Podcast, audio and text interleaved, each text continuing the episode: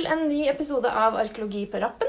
Det har tatt litt tid å få på plass, eh, mest av logistiske grunner, men nå er vi altså tilbake med nye intervjuer av forfatterne av artikler i Primitive tider nummer 20.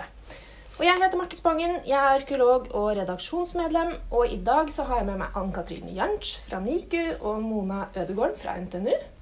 Eh, hei til begge to. Hei. Hei. Veldig hyggelig. Vi har valgt en litt sånn spesiell møteplass i dag.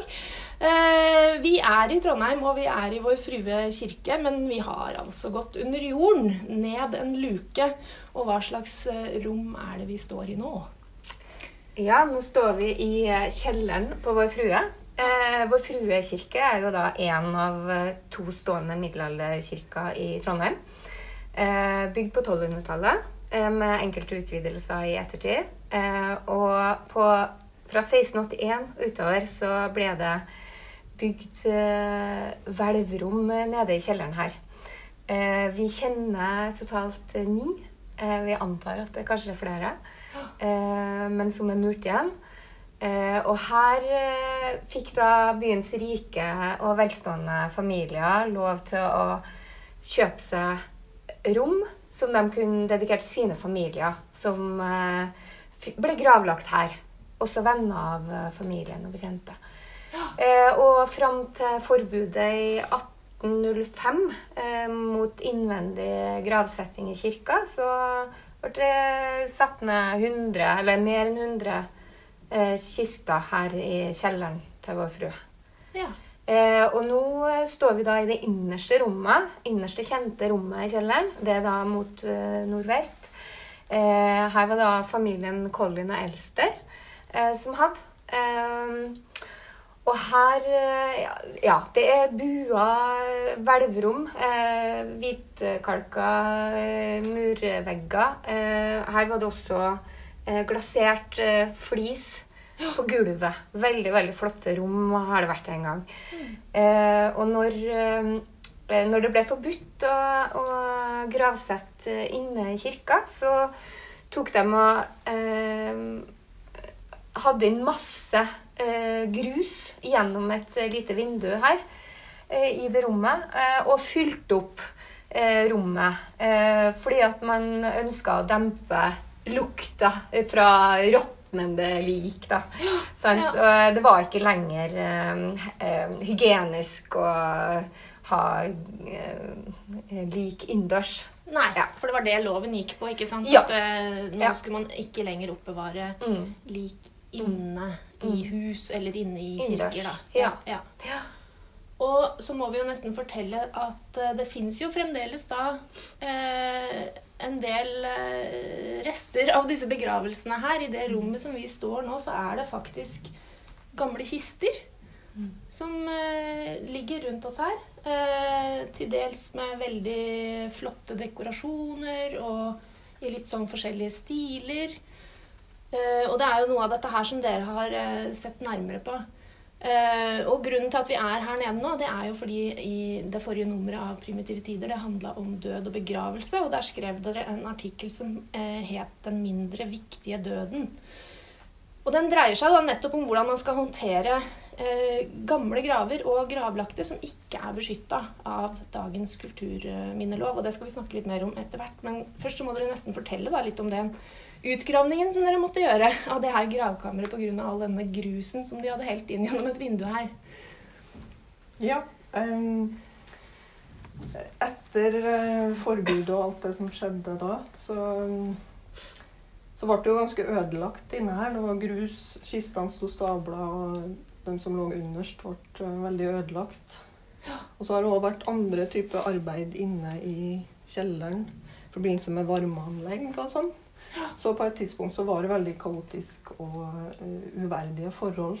Um, og eh, på slutten av 80-tallet så var det en, eh, en som heter Bernt Lange hos Riksantikvaren som satte i gang en opprydding her. Og Vitenskapsmuseet var også inne og gjorde en, en registrering av materialet. Og så er det da stoppa opp på et tidspunkt, det her oppryddinga, og så ble vi eh, hyra inn av menigheten i 2003 og 2004. Så da jobba vi videre her, og da, oppdraget var egentlig å dokumentere og sikre kister og kistebeslag. Og pga. grunn av at eh, så mye var ødelagt, da, så gjorde vi òg en, en mindre utgraving av åtte kister som lå eh, knust i bunnen her. Veldig spesielt oppdrag, må jeg si.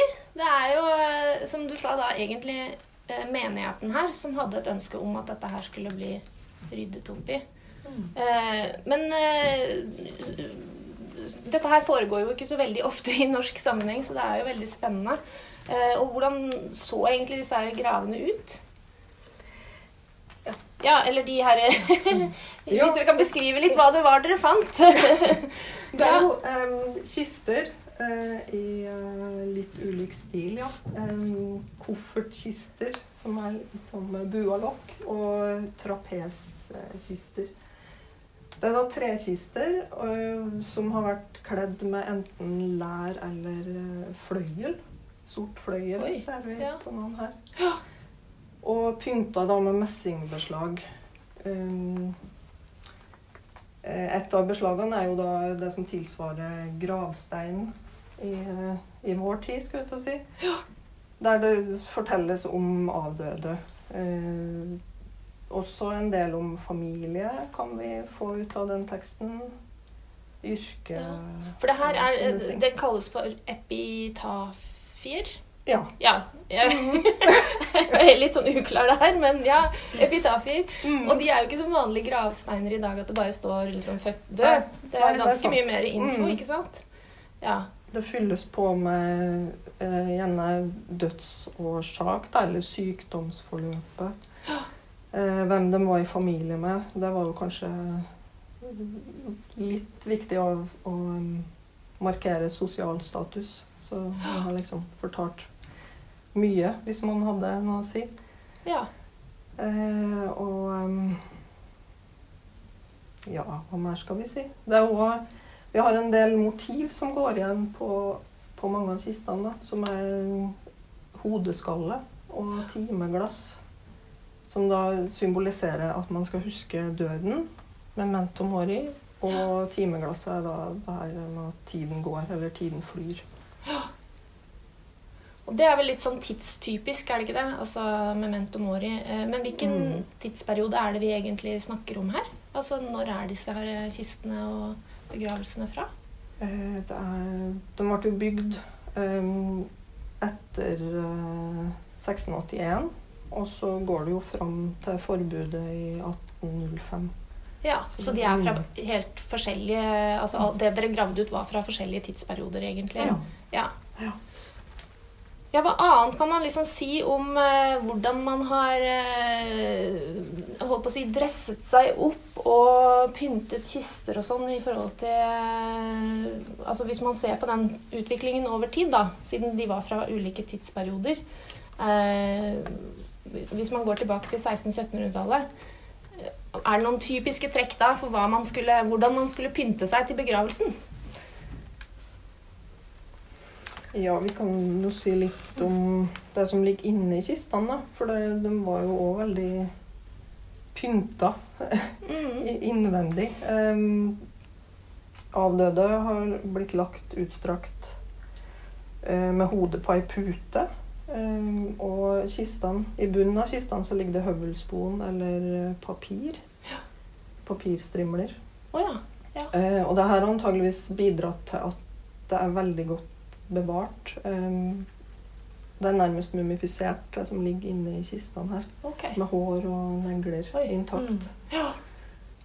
Um, og så har de jo hatt uh, tekstiler. Uh, klær og mer sånn derre Ja, noe som ligger over føttene. Å ja. Klede. Eh, Liklede. Likklede. Mm. Og det er pynta med eh, sånne her eh, sløyfer Ja. og blonder. Og broderi ser vi på enkelte ting. Sånn. Vi fant jo også et veldig flott eksempel på et hodeplagg Ja. som eh, var i silkebrokade. Oi. Og vi kunne så vidt se innvendig der var det jo Det var faktisk håndmalt dekor innvendig i, eh, i det hodeplagget. Ja. Nærmest en form for lue eller Ja. Ja. Så ja, det er øh, flotte tekstiler, det er forseggjort, det er vakre detaljer. ja. Så det viser jo veldig sånn omsorg, og man la flid i, i øh, begravelsene, da. Ikke sant. Både utenpå kistene, men også inni. La inn små blomster, tørka blomster, eller ja, Ja. Um, tekstilblomster. Ja. Ja, men Det er det som er spennende. da, at eh, Det her er jo eh, noe som viser nettopp dette her med at det har vært en utvikling i hva slags gravskikk det har vært, og hva man skulle ha med seg i graven, og hvordan man skulle pyntes og alt dette her. Eh, og- som sagt så er det allikevel ganske uvanlig at man har sånne arkeologiske utgravninger av såpass sene eh, kristne graver. Og hva er egentlig grunnen til det, og hva tenker dere kanskje kan være en ulempe med det? Eh, Grunnen er jo egentlig så enkel at eh, det materialet her, som er så nytt, da, i hvert fall i Mm. arkeologisk sammenheng, eh, ikke er freda eller verna av loven. Ja. Det er jo for ungt til å være automatisk freda i kulturminneloven. Og så er det heller ikke ivaretatt gjennom gravferdsloven, som eh, er da fredning 20 år etter overgivelse. Eh, Så det her materialet faller jo egentlig mellom to stoler. Ja. Eh, Det har jo en eh, form Altså en beskyttelse av kirka, som har et ansvar. Eh, Men det er jo det, det blir sånn Generelt sett så blir det jo Det blir lite undersøkt, lite forska på, det blir ikke ivaretatt av institusjonene Det har kanskje ikke vært også. sånn veldig stor interesse for det på en måte, eller har man bare vært litt sånn ubevisst på at det fins? Ja, Det er sikkert eh, sammensatt, eh, men grunnlaget er jo det at vi ikke, ikke har noe lovbeskyttelse på det. Og så har det eh, Ja, eh, vi har ikke hatt noe formelt ansvar til å ta vare på det, på en måte. Altså i kulturminnevernet. Og det er jo, men det er jo en kjemperik eh, ressurs eh, og kilde til kunnskap om vår nyere historie, da. Mm. Sant? Og det, det er jo kilder som eh, sier noe utover det historiske kilder kan eh, si. Sant? Mm. Mm. Så det er et veldig viktig materiale. Det er veldig betenkelig at vi ikke ivaretar det på en bedre måte.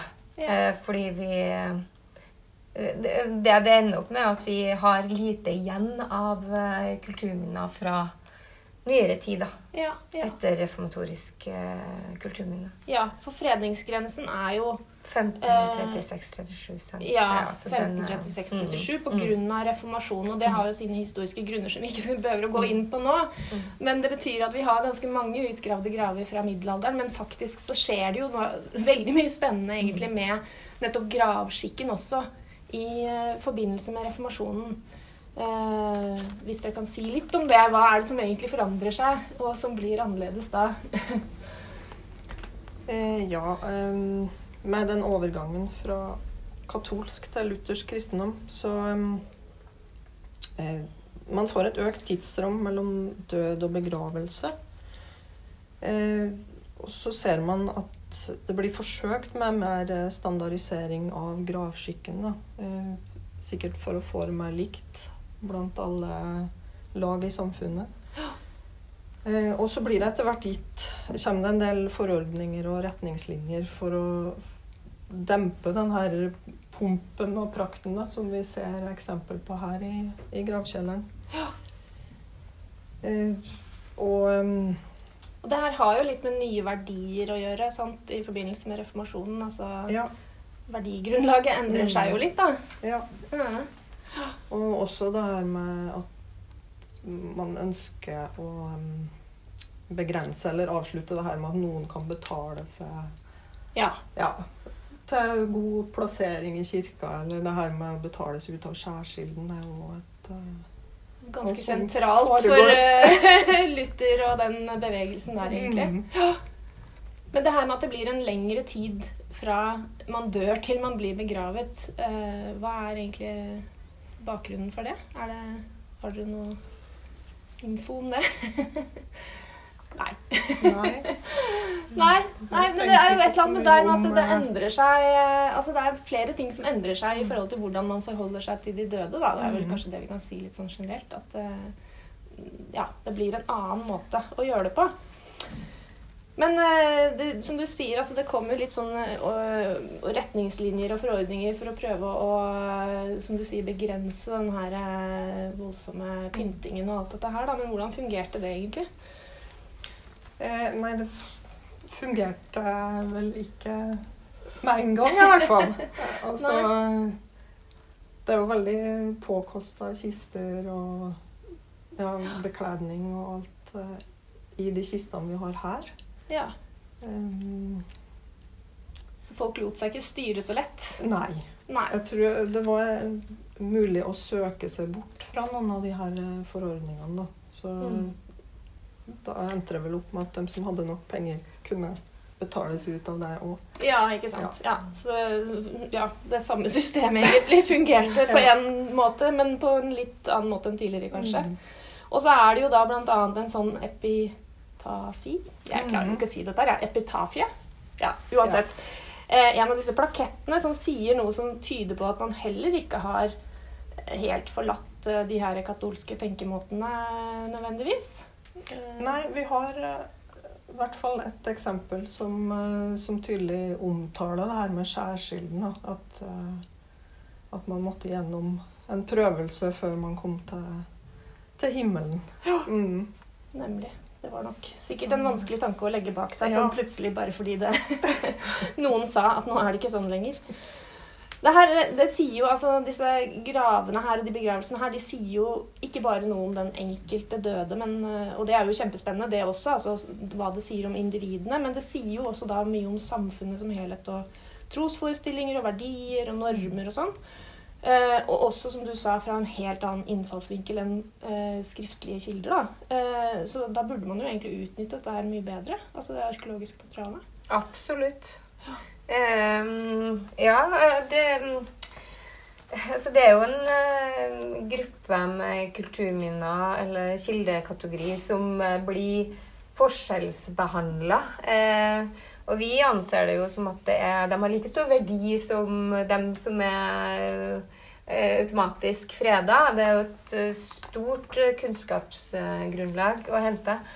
Eh, Så den, eh, den forskjellen i vernepraksis eh, mener jo vi definitivt må At vi må bort ifra. At, at det ikke bare altså det er et spesifikt årstall som skal bestemme om hva som blir måte med videre, da.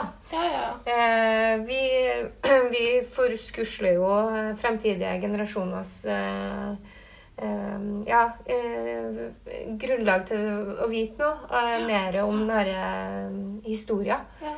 Eh, så vi mener eh, absolutt at eh, vi må ha en endring i hvordan vi forholder oss til denne nyere type kulturminnene.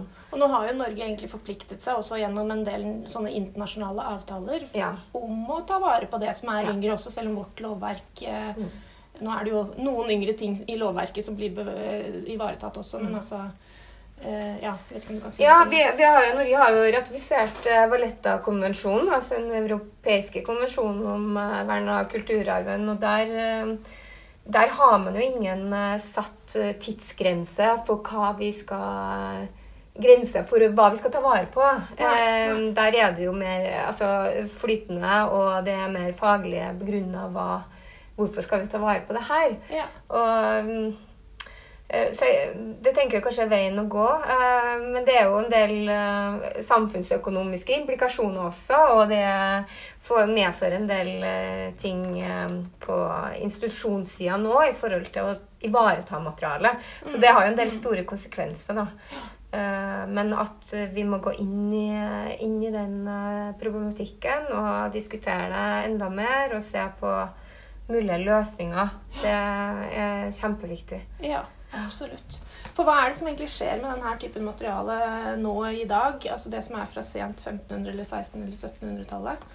Eh, I forhold til det som da er eldre, som skal ivaretas. og der vi har eh, retningslinjer på det. Det er jo Ja. Ja. em, som regel da, så ser man at det blir eh, gjenbegravd. Og kanskje uten eh, skikkelig dokumentasjon og, Ja. og forskning. Da. ja. ja. Mm.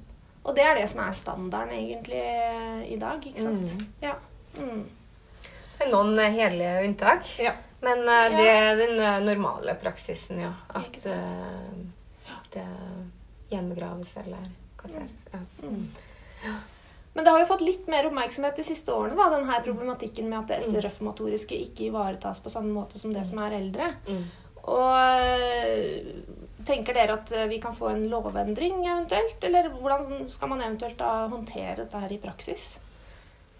Ja, det er et stort og vanskelig Kort svar på spørsmål.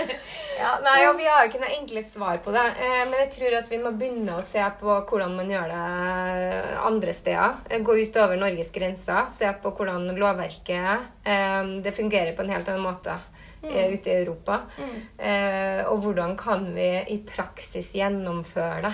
Mm. Altså, det er jo mange, Per i dag så har vi jo mange måter å ivareta denne type materiale også, gjennom kommuneplan eller vedtaksfredning. eller Vi har jo, vi har jo muligheter til å, å, å eh, ta vare på det her materialet i dag òg, men det blir jo ikke gjort i veldig stor grad. Mm. Eh, og, så jeg tenker at vi må ha en mer sånn regulert, overordna løsning på det. Der vi i, har en større bevissthet og har eh, midler til å Eller grep for å kunne eh, ta det med videre, da. Ja. Eh, men hvordan det skal gjøres, det må vi Altså, det er jo en stor eh, eh, diskusjon og krever mye. Men å se utover eh, landets grenser, hvordan gjør vi andre steder? ja, ja. For det Um, fins jo undersøkelser i andre land, Sverige Sverige bl.a. og Ja. Danmark har vel også en god del eh, Ja. studier av denne typen materiale som det kan være interessant Ja. å hente i- Absolutt. inspirasjon fra. Mm. Nå er det jo litt sånn spesielt at når det er så unge graver da, og begravelser, så er det så godt bevart. Altså, Nå sa dere det at det var en del av det som var ødelagt her fordi det ble knust av all, all den der grusen og sånn, men altså opprinnelig så har det jo stått her veldig veldig godt bevart, som dere sier, nærmest mumifisert eh, eh, lik i kistene og sånn. Eh, altså det blir veldig personlig. Hva tenker dere om det? Altså, er det noe som er problematisk med å bruke det materialet arkeologisk? Ja, em, gravmateriale em, eh, Det krever jo eh, respekt for gravfreden eh, i, i alle tilfeller. Og så em, er det jo som du sier at det øker jo den sensitiviteten når vi har kjente navn på avdøde, og kanskje vi også vet eh, noe om etterkommerne. Så um, det vil jo være behov for en dialog med etterkommere i, i mange tilfeller. Om eh, man kan bruke eh, materialet til forskning, eller hvordan det skal oppbevares og, og den type ting. Ja, ja. For som dere snakket om, så var det jo egentlig menigheten som var inne i bildet her også og ønska at dere skulle gjøre denne Ja. opprydningen, egentlig. Da. Så det fins jo noen som har noen interesser i dette materialet, kanskje på en litt annen måte enn det som man finner ved en middelalderutgravning eller den type Mm. ting. Ja. Ja, det er jo vanskelig da, hvordan det skal balanseres, og hvem det er som egentlig skal avgjøre. da. Hva er det som er riktig avgjørelse i sånne sammenhenger, om man skal bevare eller forske på eller gjenbegrave? Det er jo som sagt noe som flere parter eh, sannsynligvis har eh, interesse av. Eh, men som, som du så vidt nevnte, så var det vel Så er det jo da mulig å se litt til nabolandet, da. I forhold til det. Uh, ja. Um, vi tenker jo at man uh, må ha et mer, uh, så, mer regulert nivå, der man ivaretar også nyere tids kulturminner. Og vi har jo sett at altså det i siste altså I nyere tid så har det vært mye debatt rundt uh, manglende ivaretagelse av uh, nyere tids kulturminner. Eh, og vært mye kritikk mot uh, fredningsgrenser. Og, og, vi vet jo at det gjøres andre, på andre måter ut, uh, utafor Norge. Mm. Uh, helt Ja, i Europa, Sverige, Danmark eksempler på andre måter å gjøre det. Og at vi Altså det, det, det, er på en lang vei å gå, og jeg vet ikke om vi får gjort noe med altså det lovmessige. Det ligger jo i bunnen, men at vi eh, må prøve å ivareta det her, denne type materiale eh, i større grad. Eh, eh men eh, vi må nok eh, Altså, det krever videre utredning hvordan vi skal gjøre det. Vi må se på gode eksempler. hvordan kan vi gjøre det? Men det viktigste er vel det at vi må ha en bevissthet rundt det. Og vi må ha en annen argumentasjon enn et årstall som skal mm. avgjøre om et så viktig kildemateriale blir ivaretatt eller ikke. Mm. Eh, det må være faglig begrunna. Mm. Eh, og i Europa f.eks. så har man jo ja, eh, Tenk på Valletta-konvensjonen. Man har ingen definert eh, tidsgrense på hva man ivaretar av kulturminner. sant? Mm. Det bør kanskje være til større inspirasjon her i Norge også, at man løsriver seg litt fra 1536-37. Mm. Definitivt. Ja. ja.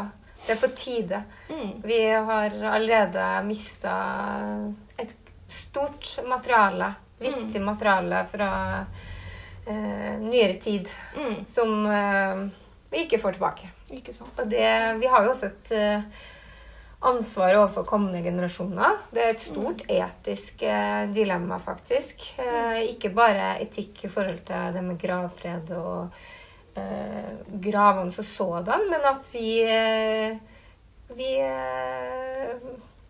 lar gå veldig mye av kulturarven, ja, faktisk. Berøver noen for kunnskap ja. også i forhold til ja, vår felles fortid, sånn sett. Mm.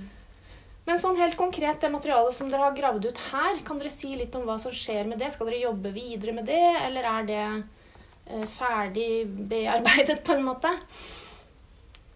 Eh, det gjøres ikke noe akkurat nå. Eh, det som vi gravde ut i åtte knuste kistene. Det som ble tatt ut av levningene, det ble pakka i syrefritt materiale. Og ligger i påvente av nye kister. Ja. Eh, ellers så um, fikk vi jo lov til å lage en utstilling om materialet i 2008. Når eh, kirka Vår Frue hadde 800-årsjubileum. Ja. Og det ga jo egentlig mersmak. Eh, så vi kunne tenkt oss å gjort mer formidling på, på materialet, da. Mm. Og kanskje ja, eh, gjort et eller annet i forhold til byens befolkning. Mm. Det er jo en eh, Jeg vet ikke Ikke så godt kjent i byen, tror jeg, at, eh, at det ligger her. Det mm. Det har jo kommet litt i skyggen av domkirka. Vår Frue ja. og dens historie. Ja. Men det er jo et fantastisk kulturminne. Både kirka og middelalderkirkegården og, og gravkjelleren, da. Mm. Her som er nå. Ja. Så det har um, Ja. Absolutt formidlingspotensial ut mer, i byen, ja. da. Fordi ja, dette her er jo en litt sånn spesiell del av byens historie også, når det mm. dreier seg om disse her kjente slektene og mm. mm. ja, ja. den litt nyere historien. Mm. Det var jo Ja, det var her og i domkirka at byens høyrestående lag ble begravd. Ja. Um, så det er jo en eh, rik eh, og spennende kilde til forhistorie. Ja, og, byens eh, historie. ja. Mm. Mm. Det høres veldig spennende ut, så får vi håpe at det er noen der ute som hører på, og som har lyst til å putte noen penger inn i litt sånn eh, formidling eh, av dette her kjempespennende temaet. Og kanskje ligger det en ny PT-artikkel inni der et eller annet sted også, og potensielt en ny podkast. Men jeg tror jeg for denne gangen bare skal få takke for den veldig interessante reisen her ned i Trondheims 1600-1700-talls både undergrunn og overklasse. Og si tusen takk til dere, Ann Katrin Jansch og Mona Ødegården, for at dere tok dere tid til å dele dette med meg og med lytterne. Og for de som vil ha flere detaljer, så fins hele Primitive tider nummer 20, inkludert artikkelen til Ann Katrin og Mona om den mindre viktige døden, Eh, tilgjengelig på vår nettside, og den finner man hvis man søker på journals.uio.no. Og med det så takker vi for oss i gravkjelleren i Vår Frue kirke i Trondheim. Eh, takk til alle lytterne for følget, og velkommen tilbake til en ny podkastepisode om ikke altfor lenge.